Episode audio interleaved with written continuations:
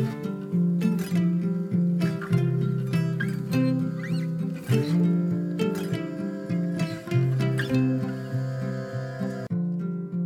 och välkommen till For Health med Anna Sparre. Idag ska vi prata kokosolja och MCT-olja.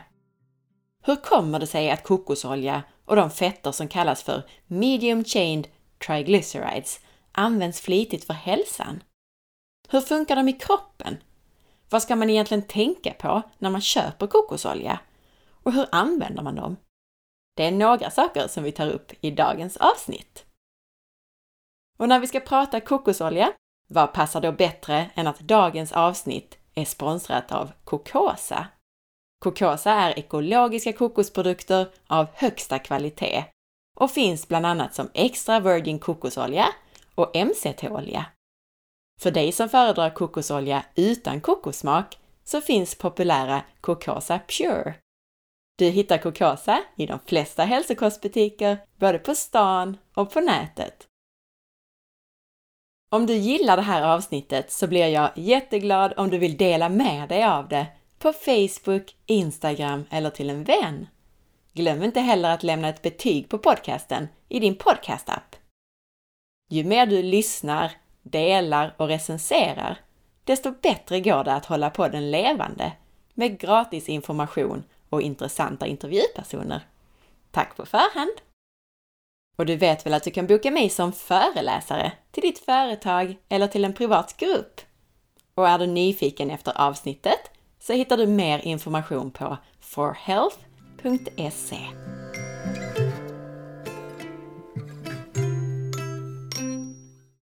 Vi börjar med lite fakta om kokosolja. Kokosolja eller kokosfett har fast form vid rumstemperatur men smälter vid cirka 24 grader. Så nu på sommaren så kan den ofta vara flytande. Kokosolja innehåller rikligt med mättat fett men skiljer sig från andra mättade fetter eftersom den är rik på medellånga och korta fettsyror som laurinsyra och kaprylsyra. Kokosoljan kan av den här anledningen bland annat gynna viktnedgång. Laurinsyra i kokos består av 12 kolatomer i rad, vilket är kortare än många andra vanliga mättade fettsyror. Kaprylsyra består av 8 kolatomer.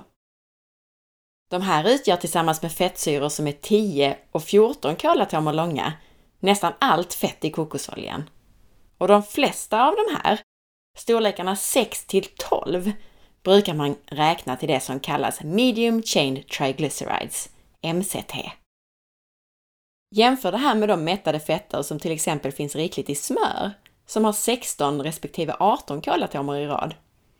De medellånga fettsyrornas gynnande av viktnedgång beror delvis på att de mättar bättre än de längre. Man har också visat i studier att de ökar förbränningen. Jag ska snart förklara lite mer om de här kortare fettsyrorna och hur de funkar i kroppen. Men först en kortis om mättat fett generellt. Kokosolja innehåller som sagt i huvudsak mättat fett. Forskningen har gått från att svagt indikera med dåliga bevis att höga kolesterolvärden skulle öka risken för kärlsjukdom. Samtidigt som annan forskning indikerade att mättat fett höjde kolesterolvärdena. Till att i nyare forskning och med bättre data visa motsatsen. Mättat fett associeras inte med hjärt och kärlsjukdom eller andra hälsorisker. Flera nyare studier indikerar att mättat fett, till exempel det i kokosolja, är bra för hälsan medan fleromättat fett i form av omega-6-fetter, vegetabiliskt fett, skapar inflammation och förstärker många sjukdomsförlopp. Att ersätta mättat fett i våra livsmedel med kolhydrater i form av stärkelse och socker, lightprodukter alltså, har ökat fetma och hälsobesvär.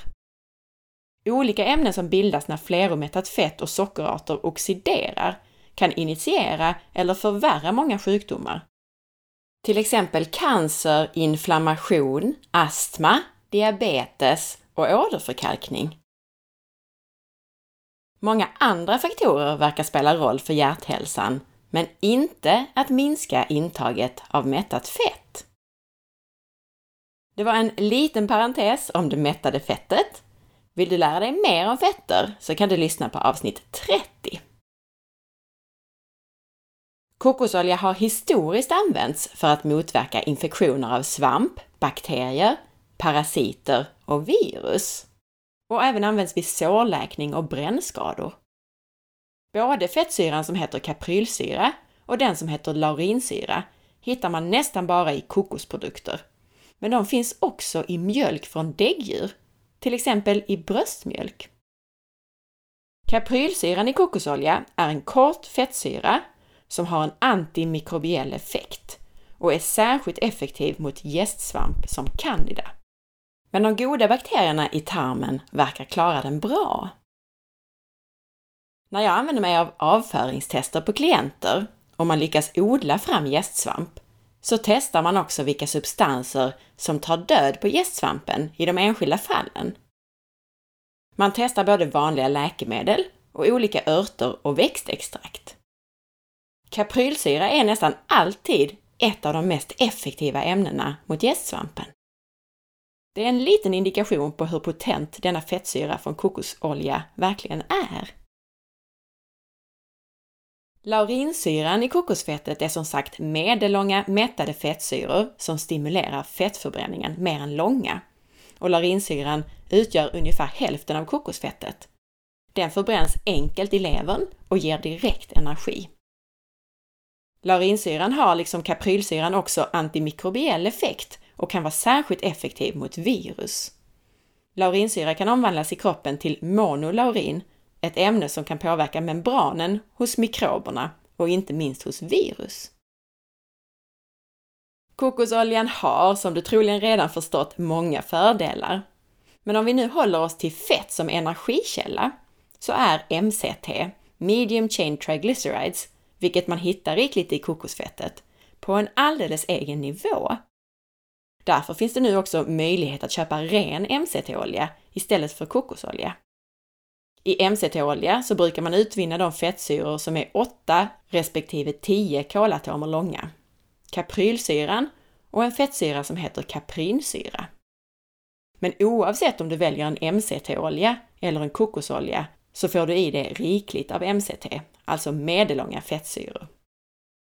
Jag pratar om de här som både korta och medellånga, men alla de jag pratar om räknas till MCT-oljor. Generellt så är det så att omättade fetter, till exempel oljor och fiskfett, omsätts snabbt i kroppen istället för att lagras.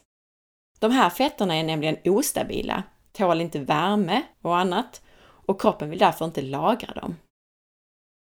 Men detta är även de omättade fetternas stora nackdel.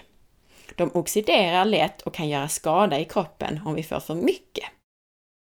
Så även om de kan öka fettförbränningen något, så vill vi inte äta för mycket av dem. Mättade fetter, till exempel de man hittar i mejeriprodukter och relativt rikligt i fettdelen på kött, de är väldigt stabila fetter. De är generellt bra för kroppen. Dock är det så att om kroppen nu väljer att lagra något fett, så är det det mättade fettet eftersom det är så hållbart och tåligt. Men som många av er vet så skapar kroppen själv det här mättade fettet som den lagrar in, främst från ett överskott av socker. De fetter vi äter lagras mest in om vi äter dem i kombination med mat som stimulerar insulin, vilket framförallt är kolhydrater, alternativt väldigt stora mängder mat. Och då kommer vi till MCT-fetterna. De har fördelarna från både de mättade och omättade fetterna. Kokosoljan är mättad och stabil, men den speciella längden på fettsyrorna gör att de går direkt in i kroppens förbränning. Bra, eller hur?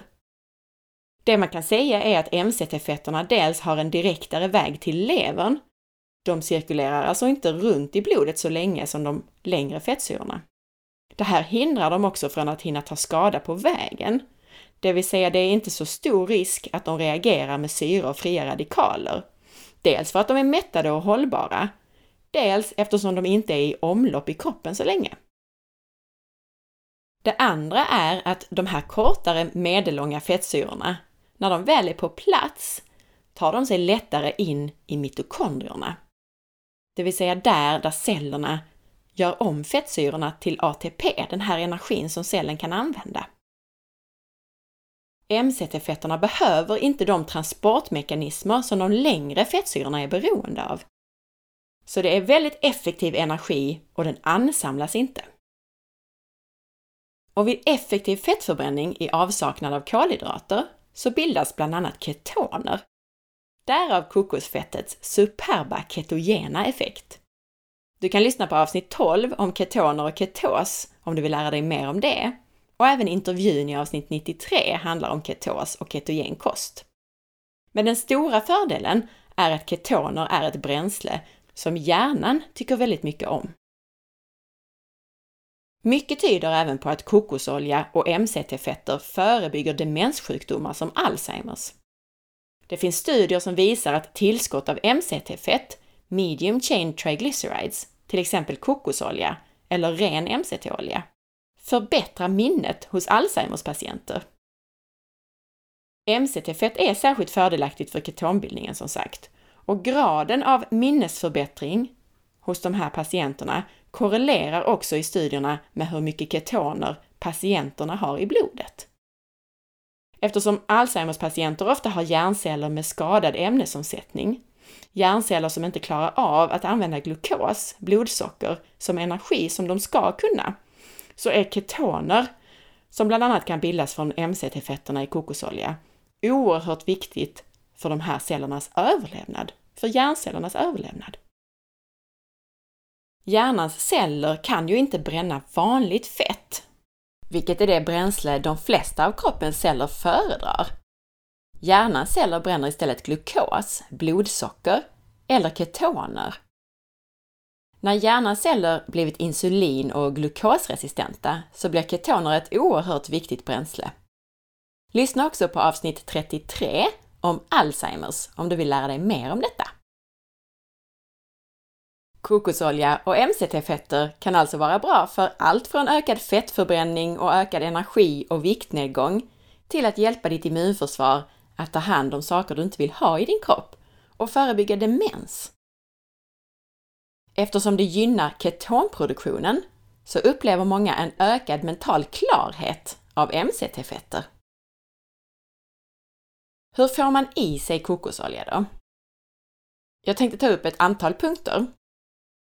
Och nummer ett, eftersom kokosfettet är mättat så är det stabilt och klarar upphettning. Det är alltså utmärkt att steka i. Andra växtoljor innehåller omättade fetter, vilket är värmekänsliga fetter.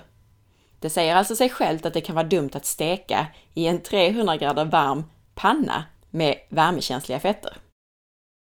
Dessutom innehåller i stort sett alla de vanliga växtoljorna, utom olivolja och kokosolja då, höga nivåer av inflammationsframkallande omega-6. Och om du steker i vegetabiliska oljor så avges cancerframkallande ämnen. Om du steker i oljor som majs och solrosolja till exempel. Och det är så kallade aldehyder som avges, vilka har kopplats till allt från demens till hjärtsjukdom och cancer. Kokosolja har i forskning visat sig producera minst farliga ämnen vid stekning. Så stek gärna i kokosolja. Lyssna även på avsnitt 30 om fetter om du vill lära dig mer om det här. Punkt 2. Ta en sked kokosolja i ditt te eller kaffe. Kokosolja ger en mjuk och krämig känsla och en bra energikick. 3. Själv brukar jag ta kokosoljan tillsammans med kakao och antingen riven kokos eller äkta lakritspulver. Ett energitillskott eller en god efterrätt. Använd sökrutan på forhealth.se och sök upp det recept som jag kallar för Choco Punch. Punkt 4. Använd kokosolja i grytor. Asiatiska rätter passar utmärkt med kokosolja med smak. Kallpressad kokosolja alltså. För andra rätter så kan du använda en kokosolja utan smak. Men numera så finns det även kokosolja som har smak av till exempel chili och vitlök. Och den är grymt god att steka köttfärs eller köttfärsbiffar i. Punkt 5. Baka med kokosolja.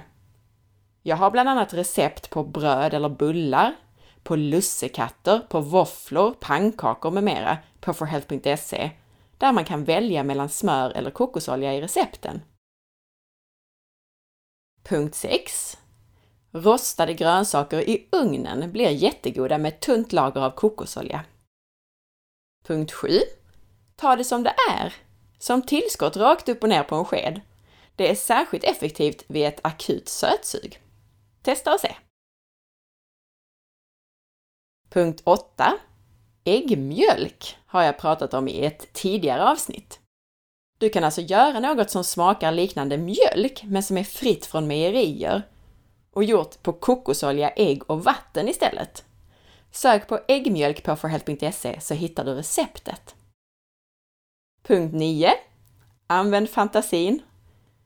Ett exempel på hur jag använt kokosolja var till en ljummen, smaskig paleo smoothie som jag kallar den för på forhealth.se. Så du kan söka på paleo smoothie på forhealth.se om du vill ha receptet utskrivet. Men jag ska berätta hur jag gör här. Och det var egentligen när min son fick blåsor och obehag i munnen och inte ville tugga fast mat på ett par dagar. Det enda som gick ner var smoothies i olika format.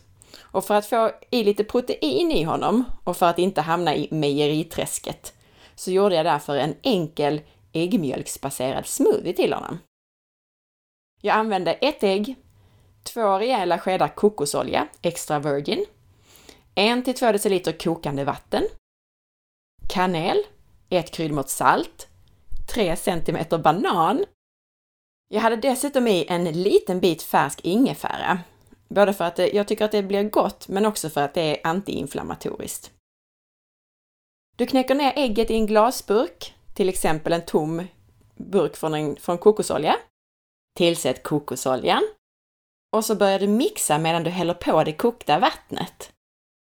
Tillsätt sen ganska mycket kanel, lite salt och en liten bit av en banan och mixa igen. Klart!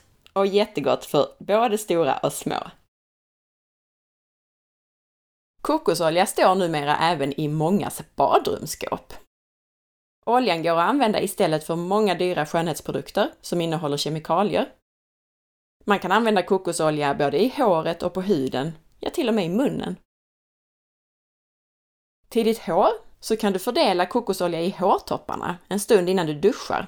Det kan göra håret glansigt och mjukt. Och kokosoljan är ju fri från silikoner, alkohol och en del kemikalier som du inte vill ha i ditt hår. Till din hud kan du använda den. Kokosolja är en effektiv mjukgörare och fettet skyddar huden utan att innehålla några skadliga kemikalier eller tillsatser, vilket finns i de flesta vanliga hudkrämer. Du kan dessutom använda kokosoljan som rengörare istället för uttorkande tvål.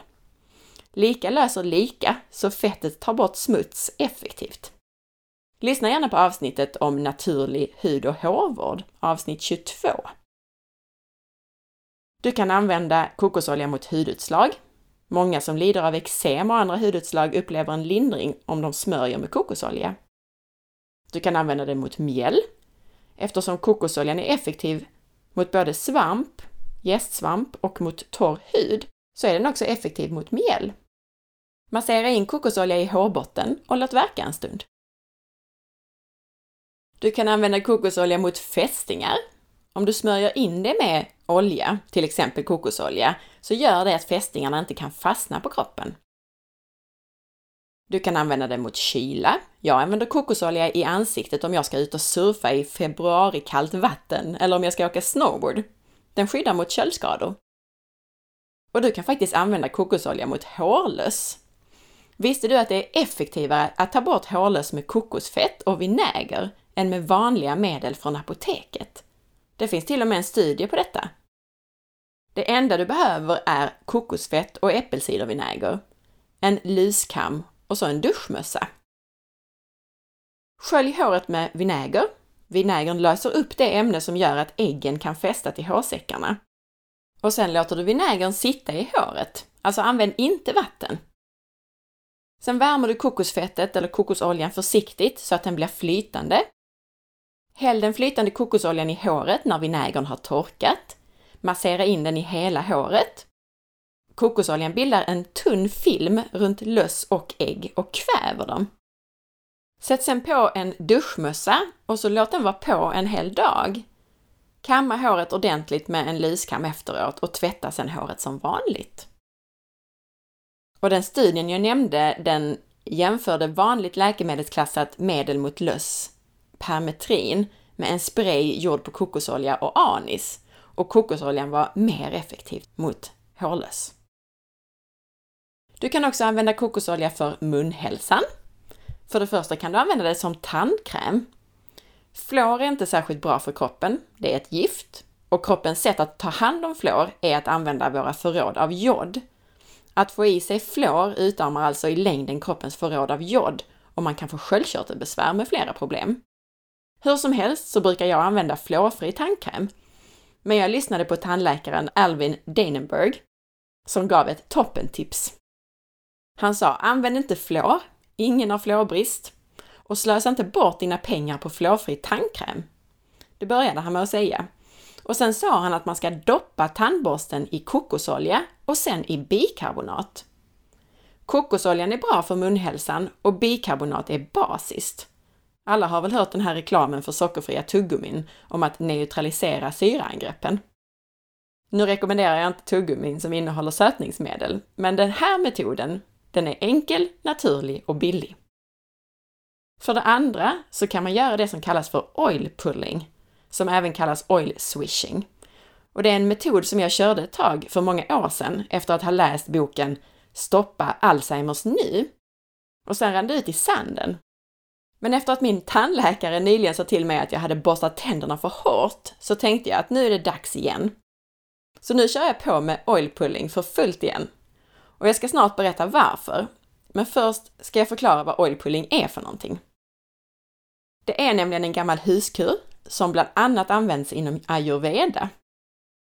Det går ut på att använda naturliga ämnen för att rengöra och rensa munnen, tänder och tandkött från giftiga eller dåliga ämnen. Det sägs även kunna ge vitare tänder, men framför allt är det fördelaktigt för att förbättra tandköttet och ta bort oönskade bakterier. Principen lika löser lika gäller och oljan har en förmåga att ta med sig fettlösliga ämnen och gifter. Grundprincipen är att rengöra munnen med en bra olja varje dag, till exempel kokosolja. Man tar helt enkelt in olja i munnen och kör runt den där försiktigt med hjälp av tungan, men utan att gurgla.